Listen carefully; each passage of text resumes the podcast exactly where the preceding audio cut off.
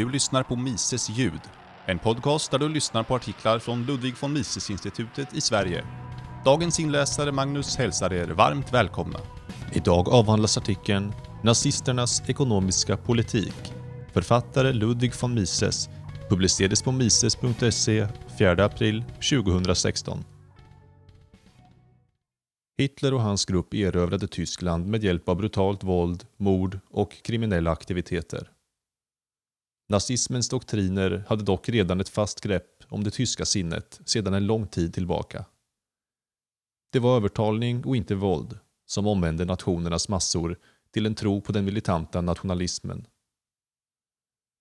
Om inte Hitler hade lyckats att vinna kampen om att bli diktator skulle någon annan ha kommit efter honom.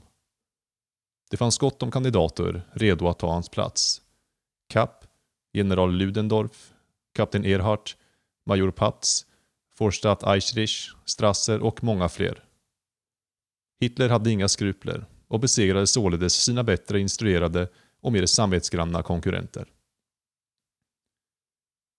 Nazismen erövrade Tyskland eftersom den aldrig stötte på något adekvat intellektuellt motstånd. Den skulle ha erövrat hela världen om inte Storbritannien och USA på allvar börjat bekämpa den efter att Frankrike föll. Den samtida kritiken av nazismens program missade målet.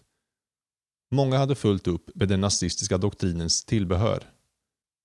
Det gav sig aldrig in i en full diskussion om de nationalsocialistiska tankarnas essens. Orsaken är uppenbar. Den nazistiska ideologins grundsatser skiljer sig inte åt från de allmänt accepterade samhälleliga och ekonomiska ideologierna. Skillnaden rör endast hur dessa ideologier appliceras på de problem som är specifika för Tyskland. Dessa är den nutida, icke-ortodoxa ortodoxins dogmer. 1. Kapitalismen är ett orättvist system av exploatering. Det skadar den stora massan för att gynna en liten minoritet. Privat ägande av produktionsmedel stoppar det fulla användandet av naturresurser och teknologiska framsteg. Vinst och ränta är tribud som massan måste betala till den klass som består av passiva parasiter. Kapitalism är orsaken till fattigdom och måste resultera i krig. 2. Det är därför den folkliga regeringens främsta plikt att ha kontroll över företagen ur kapitalisternas och entreprenörernas händer. 3. Pristak och minimilöner, oavsett om det påtvingas direkt av staten eller om det kommer via att fackförbunden får fria tyglar, är ett adekvat medel för att förbättra för konsumenternas och för att permanent öka alla löntagares levnadsstandard. Det är steg på vägen till att helt och hållet befria massorna via socialismens slutliga etablerande från kapitalets ok. Vi kan i förbifarten nämna att Marx i sina senare år självt starkt motsatte sig detta. Nutida marxism stöder dock det till fullo. 4. Kreditexpansion är en användbar metod för att lätta de bördor som kapitalet påtvingar massorna och för att göra landet rikare. Det har ingenting att göra med de återkommande periodiska ekonomiska depressioner. Ekonomiska kriser är en del av de ondskefulla saker som den fria marknaden orsakar. 5. Alla de som förnekar de föregående påståendena och som hävdar att kapitalismen bäst tjänar massorna och att det enda effektiva sättet för att permanent förbättra det ekonomiska tillståndet för alla i samhället är den progressiva ackumulationen av nytt kapital, är illasinnande och trångsynta apologeter för exploatörernas klassintresse. En återgång till laissez-faire, frihandel, guldmyntfot och ekonomisk frihet är uteslutet. Mänskligheten kommer lyckligtvis aldrig att gå tillbaka till de idéer och den politik som utgjorde 1800-talet och den viktorianska tidsåldern. Vi kan i förbifarten nämna att både marxismen och fackförbunden har de allra bästa anspråken på att kallas 1800-tal och viktorianska. 6. Utrikeshandel är endast lönsamt i den mån det handlar om export. Importer är dåliga och borde i största möjliga mån förhindras. Den allra bästa situationen som en nation kan befinna sig är när den inte måste förlita sig på import från utlandet.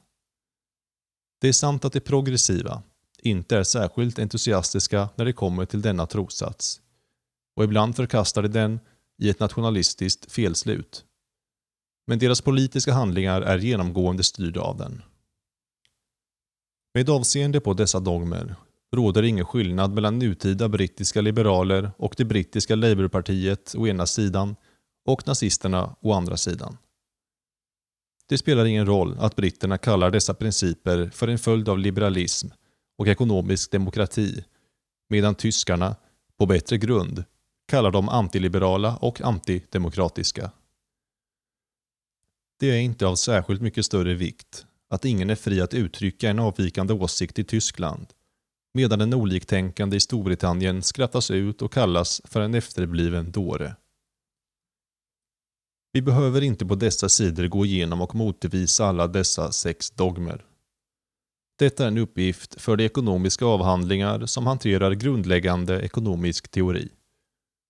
Och denna uppgift har redan uppfyllts. Vi behöver enbart poängtera att de som inte har vare sig tillräckligt med mod eller insikt för att attackera dessa grundsatser inte har fog nog att kritisera de slutsatser som nazisterna drog av dem. Nazisterna vill också att företagen stod under statlig kontroll. De vill också att deras egen nation skulle vara självförsörjande.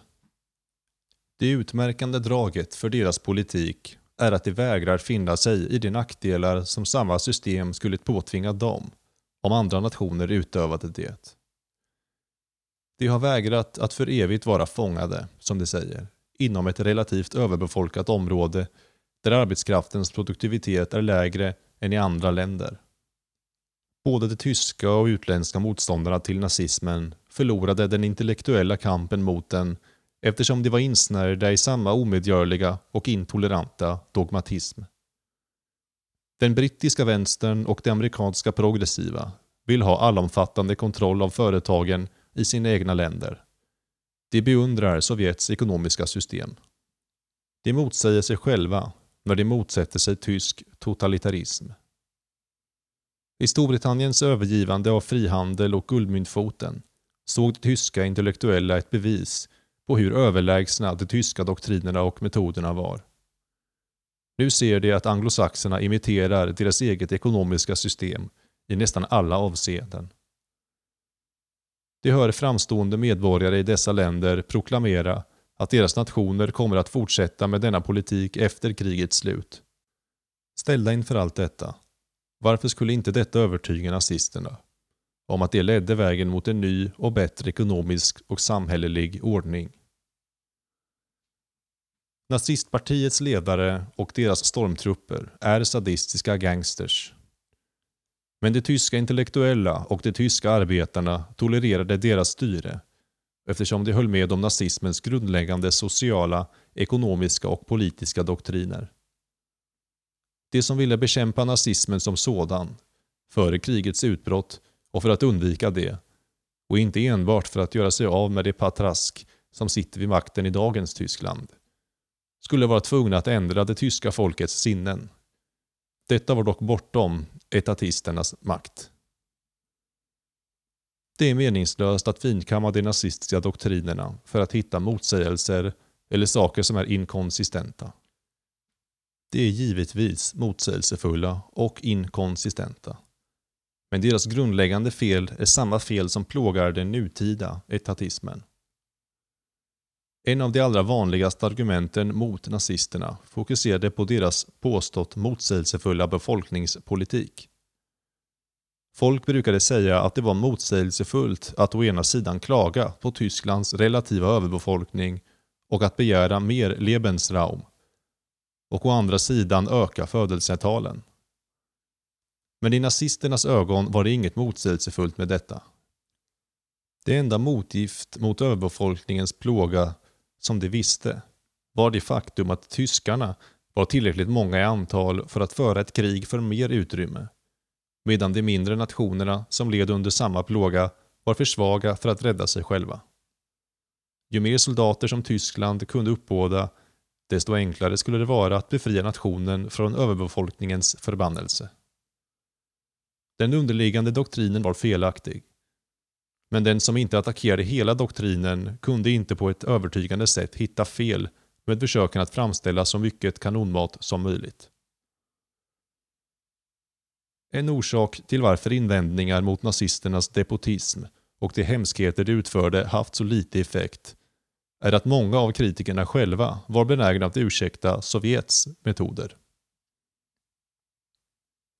Således kunde de tyska nationalisterna hävda att deras motståndare, både de tyska och de utländska, behandlade dem orättvist eftersom de fördömde dem för saker som de lät ryssarna komma mildare undan med. Vidare kallade de anglosaxernas attacker på deras rasbiologiska doktriner för hyckleri. Följer engelsmännen och amerikanerna själva principen att alla raser är jämlika? De utländska kritikerna fördömer det nazistiska systemet som kapitalistiskt. I denna tidsålder av fanatisk antikapitalism och entusiastiskt stöd för socialismen verkar det inte finnas något bättre sätt att bringa en regering i vanrykte än att kalla den pro-kapitalist. Detta är dock en grundlös kritik av nazismen.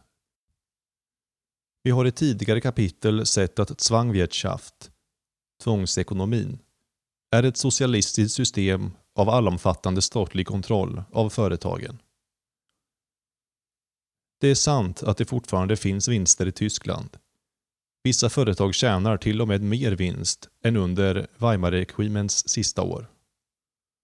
Detta faktums relevans är dock annorlunda från vad kritikerna tror. Privat spenderande är strikt kontrollerat.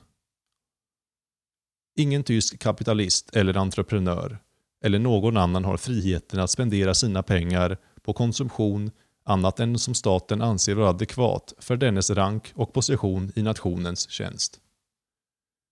Överskottet måste sättas in på banken eller investeras i inhemska obligationer eller i aktier som tillhör tyska företag som helt och hållet kontrolleras av staten. Att hamstra pengar eller sedlar är strikt förbjudet och bestraffas som högförräderi. Redan innan kriget började fanns det inga importer av utländska lyxvaror och deras inhemska produktion har sedan länge upphört.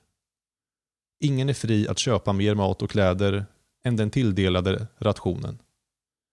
Hyrorna är fasta, möbler och alla andra varor går inte att få tag på.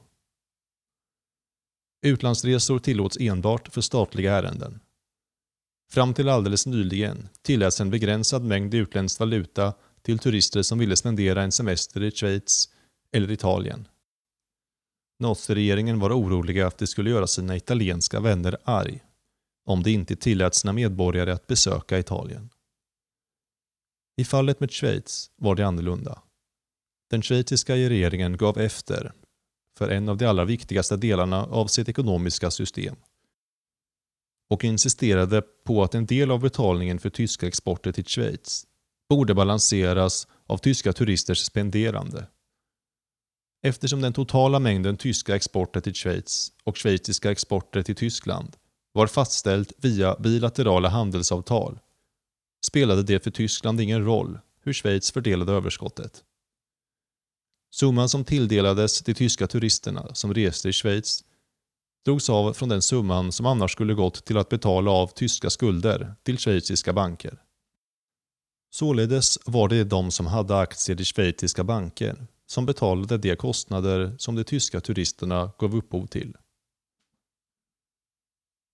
Tyska företag är inte fria att dela med sig av sin vinst till aktieägarna. Mängden utdelning är strikt begränsad i enlighet med ett ytterst komplext juridiskt system. Det har påståtts att detta inte utgör ett allvarligt hinder eftersom företagen fortfarande kan späda ut aktierna. Detta är ett misstag. De är endast fria att öka sina nominella aktier genom de vinster som gjorts och deklarerats och beskattats under tidigare år, men som inte fördelats till aktieägarna. Eftersom all privat konsumtion är strikt begränsad och kontrollerad av staten och eftersom alla icke-konsumerad inkomst måste investeras, vilket i praktiken innebär att den lånas ut till staten, är höga vinster inget annat än en subtil form av beskattning. Konsumenten måste betala högre priser och företagen är nominellt vinstgivande. Men ju större vinsterna är, desto mer ökar de statliga medlen. Staten får antingen pengarna i form av beskattning eller lån. Och alla måste vara medvetna om att dessa lån aldrig kommer att betalas tillbaka. Tyska företag har inte haft möjlighet att ersätta sin utrustning på många år. Vid krigets slut bestod företagens och de privata firmornas tillgångar mestadels av utslitna maskiner och diverse tveksamma statliga fordringar. Det krigande Tyskland lever av sin kapitalstock och det vill säga det kapital som nominellt och till synes ägs av dess kapitalister. Nazisterna tolkade andra nationers attityder gentemot råvarufrågan som ett erkännande av att deras egna påståenden var rättfärdiga. Nationernas förbund hade etablerat att det nuvarande tillståndet i världen var otillfredsställande och skadade de nationer som kallade sig själva obemedlade. Den fjärde punkten i Atlantdeklarationen, 14 augusti 1941, där USAs och Storbritanniens ledare tydliggjorde vissa gemensamma principer i respektive länders nationella politik, på vilka de baserar sitt hopp om en bättre framtid för världen, lyder som följer. Det kommer att, med respekt för sina existerande skyldigheter, att sträva efter att främja alla staters, stora som små, vinnare som förlorare, jämlika tillgång till världens handel och råmaterial, som behövs för deras ekonomiska välstånd. I ett världskrig står den katolska kyrkan över de stridande parterna. Det finns katoliker i båda lägren. Påven befinner sig i en position där han kan se opartiskt på konflikten. Det var därför en stor seger för nazisterna när påven upptäckte att krigets orsak stod att finna i den kalla och kalkylerande egoismen som tenderar att hamstra ekonomiska resurser och material som är avsedda att användas av alla i en sådan omfattning att de nationer som av naturen är mindre bemedlade inte ges någon tillgång till dem. Han deklarerade vidare att han såg att det var nödvändigt att alla deltog i världens naturliga rikedomar. Till och med det som tillhörde det som gav och inte det som mottog. Nåväl, sa nazisterna. Alla håller med oss om att våra klagomål är resonliga och, fortsatte det, i denna värld som söker göra totalitära nationer självförsörjande kan detta endast lösas genom att den territoriella suveräniteten omfördelas. Det hävdades ofta att självförsörjningsfaror, som nazisterna var rädda för, fortfarande var långt borta. Att Tyskland fortfarande kunde öka sin export och att dess per capita inkomster fortsatte att öka. Detta imponerade dock inte på tyskarna. De ville uppnå ekonomisk jämlikhet. Det vill säga att de tyska arbetarna var lika produktiva som i alla andra nationer. Löntagarna i de anglosaxiska länder har en mycket högre levnadsstandard än i det förflutna, invände de. Likväl ser inte de progressiva detta som ett rättfärdigande för kapitalism utan de stöder fackföreningarnas krav på högre löner och ett avskaffande av lönesystemet. Det är orättvist, säger nazisterna, att motsätta sig tyskarnas anspråk samtidigt som ingen motsätter sig de anglosaxiska arbetarnas anspråk. Det svagaste argumentet mot den nazistiska doktrinen var den pacifistiska sloganen att krig inte löser några problem. För det kan inte förnekas att det nuvarande tillståndet med avseende på territoriell suveränitet och politisk organisation är ett resultat av forna krig. Det var svärdet som befriade Frankrike från de engelska kungarnas styre och gjorde det till en oberoende nation. Som förvandlade USA och Australien till den vita mannens land och som försäkrade de amerikanska republikernas självstyre. Blodiga strider gjorde Frankrike och Belgien till övervägande katolska nationer och de nordtyska och nederländska regionerna överväldigande protestantiska. Inbördeskrig såg till att USA och Schweiz förblev enade. Två effektiva och ovärderliga argument kunde ha förts fram mot de tyska aggressionsplanerna. Först och främst att tyskarna själva hade bidragit så gott de kunde till det tillstånd som de ansåg vara så bedrövligt. För det andra att krig är inkompatibelt med den internationella arbetsdelningen. Progressiva och nationalister befann sig dock inte i position att argumentera emot nazismen på dessa grunder.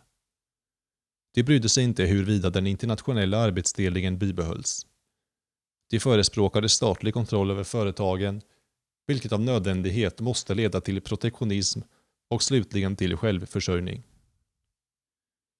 Nazismens felaktiga doktriner kan inte stå emot sund ekonomisk kritik. Den typen av ekonomi som idag avfärdas som ortodox. Men alla som envist klänger fast vid neomerkantilismens populära dogmer och förespråkar statlig kontroll över företagen är oförmögna att motvisa dem. Fabiansk och keynesiansk icke-ortodoxi resulterade i ett misstaget accepterande av nazismens trossatser. Dess tillämpning i praktisk politik hindrade alla försök att bilda en enad front bestående av alla nationer som hotades av nazismens ambitioner. Artikeln har översatts till svenska av Joakim Kempe och är ett utdrag ur Ludwig von Mises bok Omnipotent Government The Rise of Total State and Total War från 1944.